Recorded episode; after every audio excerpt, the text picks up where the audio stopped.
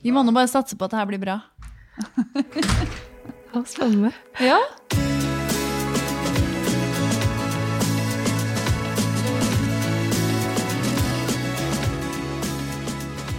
Velkommen til Kosmorama podkast. Jeg heter Silje Engenes og er direktør for Filmfestivalen. På 70-tallet kom en rekke kvinnelige spillefilmregissører og lagde filmer det norske publikummet aldri hadde sett maken til. Disse kvinnene banet vei og inspirerer i dag en ny generasjon politisk bevisste filmskapere. Ingrid Holtar jobber med en doktorgrad om kvinnefilmene fra 70-tallet. Og det skal hun fortelle om nå til journalist Randi Lillealteren. Ingrid Holtar, hva var det som skjedde i norsk filmbransje da de her kvinnelige spillefilmregissørene kom inn på 70-tallet? Det er jo stående som en slags sånn grunnlagsfortelling om likestilling i norsk filmbransje det tiåret, og det de eh, kvinner representerte og gjorde, da. Så for det første så var jo det bare en sånn stor begivenhet i seg selv, at det da liksom for første gang på over ti år var en kvinne som regisserte film. Så i 1971 Eh, da var det faktisk seks Nei, ja, seks spillefilmer kom ut det året, og tre av de var regissert, eller da eh, korregissert, av en kvinne. Eh, før det så må vi helt tilbake til eh, 1959 med Edith Kalmar sin Ungflukt. Hun er jo en av de, fremdeles, tror jeg, en av de kvinnene som har regissert flest filmer noensinne i hele norsk filmhistorie. Så hun hadde ti spillefilmer og jeg tror åtte kortfilmer ja, mellom eh, 1949 eh, og 1959. Um, og laga veldig mye forskjellig type film, men veldig mye sånn sjangerfilm. Eh, og det er også noe av det som skiller henne fra da disse kvinnene som kom på 70-tallet. For når de kom, da var det um, Anja Breien, Vibeke Løkkeberg, Laila Mikkelsen og Nicole Massé, først og fremst, som er liksom de som etablerte seg som filmregissører på 70-tallet. De laget helt andre typer filmer som var mye mer personlige, mye mer politiske. Um, og skal man si kom fra et inderlig og ambisiøst uh, kunstnerisk prosjekt. Da. Mm. De kom jo også som slags uh, uromomenter inn i norsk filmindustri.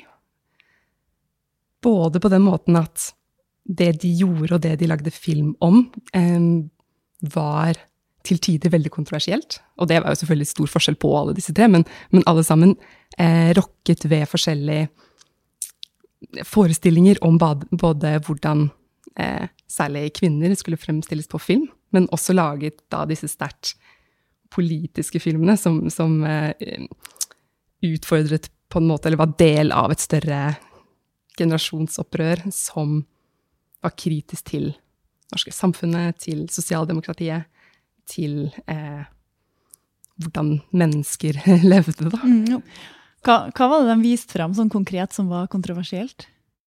Eh, vi kan jo begynne med de, Når vi snakker om kvinner og film, da, så er jo kjønnsrollene var jo kanskje det, det største og mest synlige prosjektet. De viste kvinneroller som var annerledes enn hadde vært før. Så det begynner jo med kanskje den, de mest kjente filmene. 'Hustruer og åpenbaringen'. 'Hustruer' av Anja Breien. Der vi følger tre kvinner som møtes på fest, på sånn eh, skole, skolefest. Og så, når festen er slutt, så bare vil ikke de dra hjem. De vil fortsette å være sammen, de vil fortsette å prate. Så de lar liksom mann og barn være hjemme, mens de selv drar ut på byen og drikker og prater og krangler og sjekker menn og gjør alle disse tingene som eh, Eller på en måte inntar et veldig mannlig prosjekt, da. Um, den filmen var jo også laget som et motsvar til en amerikansk film som heter 'Husbands' av John Casavetes. Eh, som handler om tre menn som, som, drar på en måte etter en begravelse eh, hos den fjerde vennen deres. Eh, så må de på en måte ha et slags sånn livsbekreftende prosjekt hvor de på en måte må prøve å finne sånn tilbake til hvem de er, hvem de er som menn og som mennesker. og dette her, altså hustruer, er jo da kvinnenes tur til å gjøre det samme. Bare at når de gjør det, er jo det et helt annet type prosjekt. Og Anja Breien og de tre skuespillerne de gjorde også det ved å sette på spill alle de tingene som forandrer seg når det er kvinner som, som gjør noe sånt. da. Katja Medbø, som spiller en av eh, hustruene, var jo også gravid under innspillingen, eller og, og i filmen. da. Eh, så det setter jo hele tiden denne Altså, en høygravid kvinne som drar på drikker og er på fest med venn, vennene sine eh, over flere dager på rad, er jo kanskje mer kontrovers i dag, kontroversielt i dag enn det var på 70-tallet, vil jeg tro. Ja, det vil jeg tro. I hvert fall det med drikkinga. Ja. Men hvordan ble denne hustruerfilmen mottatt da den kom, da? Um, den var jo en kjempesuksess. Altså, det var en festivalsuksess, en kritisk suksess og en publikumssuksess. Um, så den står jo litt som en film som viste at eh, norsk film nå skulle klare det. Nå skulle norsk film bli bra. Og den linja norsk film hadde lagt seg på gjennom liksom et eh, eh statlig filmstøtte, eh, satsing på talenter, at det funka. Og det var òg en film som viste at eh, kvinnebevegelsen og feministiske analyser eh, hadde blitt kommet inn i allmennheten. Da, en, altså nå laget man store spillefilmer, er jo på en måte narrativen fra kvinnebevegelsens perspektiv, da, hvor man tok opp kjønnsroller. Eh, og det var en film som også eh, fungerte godt som et slags sånn diskusjonsutgangspunkt, for det den filmen gjør, er å ha tre eh, karakterer, spilt av det er jo Katja Medbø, Anne Marie Ottersen og Frøydis Arman, som eh, spiller tre forskjellige kvinner fra tre forskjellige klasser og i tre forskjellige livssituasjoner, som da møtes igjen og prater. Så du får på en måte hele denne, alle disse forskjellige perspektivene, og de krangler, og de diskuterer, og de på en måte hjelper hverandre. Eh, men òg da får liksom satt veldig mange hva skal man si, altså kjønnspolitiske, men også allmennmenneskelige problemer under debatt. da. Særlig eh, det som handler om kvinne altså kropp, altså utseendepress, eh, følelse om hvordan det, det er, eh, og arbeidssituasjoner, hvor du har da to som er husmødre og en som er fabrikkarbeider, og deres liksom forskjellige økonomiske selvstendighet, men også kvinners eh, rolle i arbeidslivet. Så de får på en måte diskutert alle disse spørsmålene, og ja, hvor langt skal personlig frihet gå, Hva, hvor mye må du ofre for barna dine, Eh, alt dette her er spørsmål som på en måte blir virvlet opp i denne filmen, men ikke egentlig besvart. Da, for de er på en måte bare venner og fortsetter sin, eh, sin kveld ute. Uten å liksom komme frem til ett svar som da vi skal sitte igjen med. Eh, annet enn at den veldig berømt slutter jo med at en av karakterene, Heidrun, sier 'vi kan jo ikke slutte nå'. Og så slutter filmen med et frysbilde, altså det stopper opp. Så hører vi lyden gå videre, så et eller annet sånn prosjektet deres fortsetter.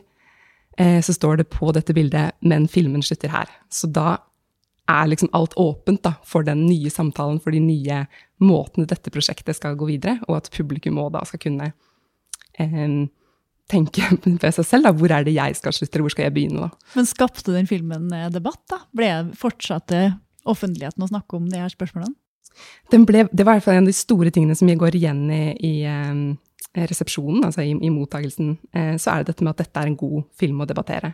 Og så kom vi om på at noen syntes det var veldig kontroversielt og følte at dette var, dette var bare som å være med på en fyllatur med, med damer, hadde ingenting med Kunne ikke relatere overhodet, og at det var helt umoralsk, det som ble vist. Mens de fleste var jo, eller mange var jo veldig, veldig positive og syntes dette var eh, interessant. Og det er også der vi ser en sånn eksplosjon i såkalte kvinnefilmserier, kvinnefilmvisninger eh, og spesialvisninger hvor forskjellige eh, både film- og feministiske grupper inviterte til spesialvisninger med diskusjon etterpå.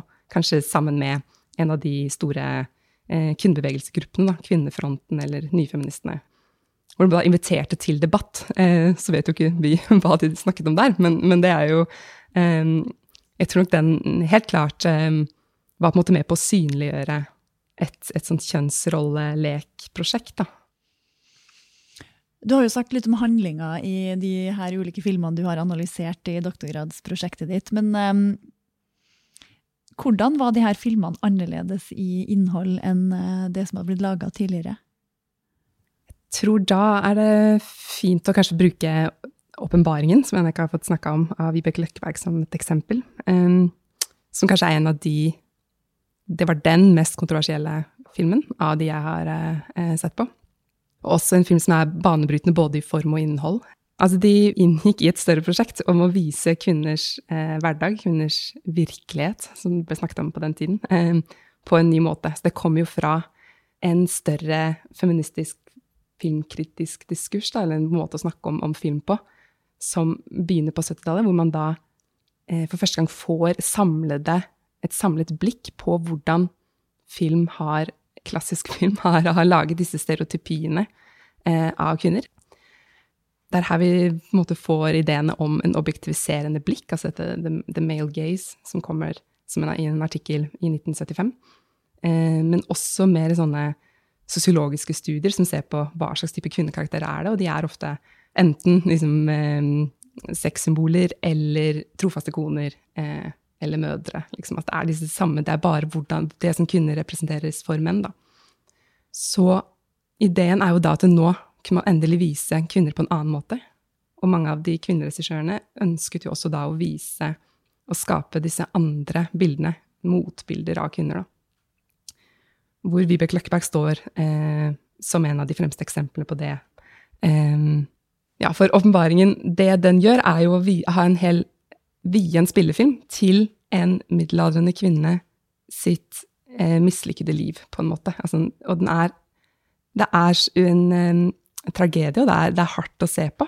Men det er jo en type karakter som ikke hadde blitt vist tidligere, og i hvert fall ikke på den måten.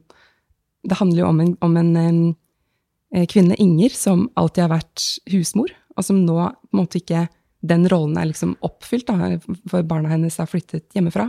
Og mannen han er egentlig gått videre til nye Han har en affære og er liksom ikke interessert i henne lenger. Um, ja, så, så, det er jo en film som viser henne som den, det overflødige i samfunnet.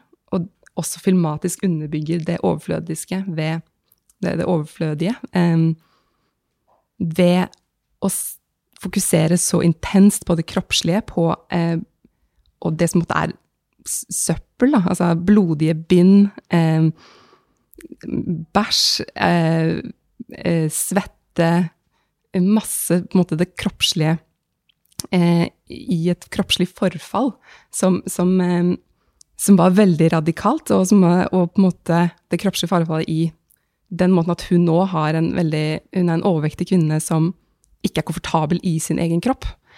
Så det er en eh, utrolig sterk scene hvor hun måte prøver å, å finne tilbake til en slags seksualitet, og prøver å eh, masturbere, men, men, hun orker hun klarer det på en måte ikke. Da. Og det, bare det å vise det, å vise henne naken og eh, med en, allikevel en ømhet, altså, men, men som er eh, hjerteskjærende, det ble altfor mye for veldig mange. Og, og, den filmen, dessverre, er jo Man kunne, har lenge ikke kunnet se den. Um, så den har på en måte blitt overskygget av den dårlige Eller deler av den resepsjonen den fikk, da. Kjent som den store rumpefeiden i norsk eh, filmkritikk. Um, og som er på en måte Det er jo en, et kapittel i seg selv, men jeg tenker at den filmen fortjente på en måte bedre enn, enn å bli husket som det, som en en mannlig kritiker ikke tålte å se. For denne filmen er, er, er så mye mer enn det, da. Ja. Men du sier at de her filmene er mer relevant i dag enn de har vært på lenge. Kan ikke du fortelle om det?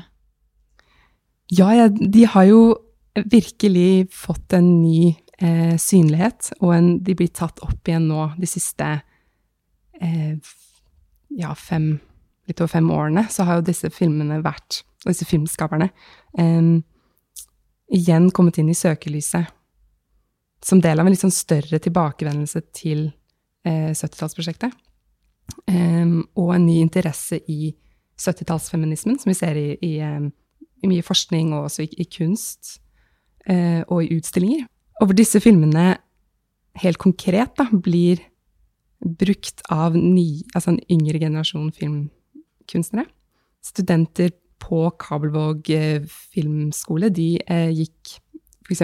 i 8. mars-tog for et par år siden med en parole hvor de ba om en, en eh, Hustruer fire til støtte for Anja Breien. Eh, mens eh, regissøren i Tonje Guttormsen, hun har jo laget en utstilling som heter Lilith, nei, Lilithistic Revelations, eh, som er en slags sånn Som går veldig i dialog med, med Vibeke Løkkeberg og hennes på en måte den negative kritikken hun fikk, og det stempelet hun fikk. Da. Mm. Men hva er det filmskapere i dag lar seg inspirere av, av de her eh, prosjektene og de regissørene fra 70-tallet?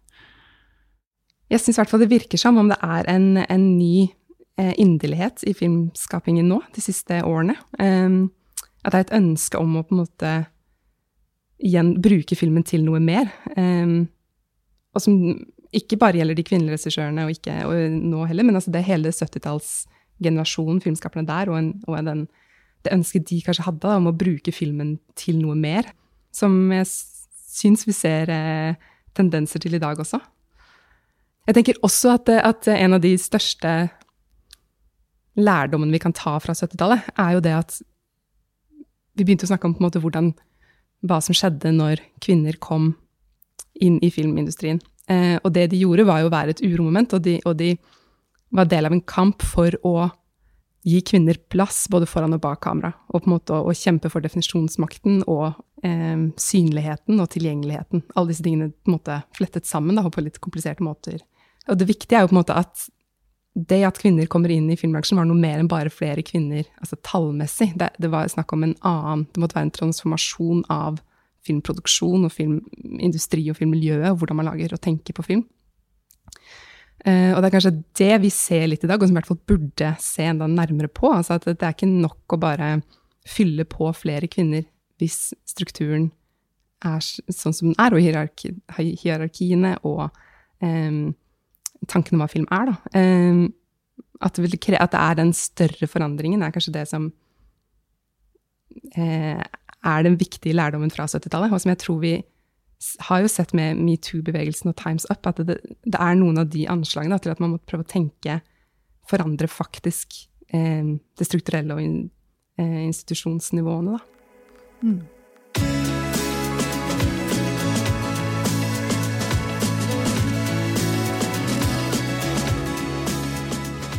Ingrid Holtar, tusen takk for at du kom og fortalte oss om eh, doktorgradsprosjektet ditt om eh, kvinnelige regissører på 70-tallet.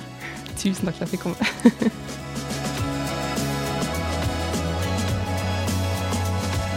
du har hørt Kosmorama podkast. Den er laget av Historiebruket for Kosmorama og er støttet av Fritt Ord i anledning festivalens 8. mars-markering. I år er Kosmorama heldigital. Sjekk ut programmet vårt på kosmorama.no.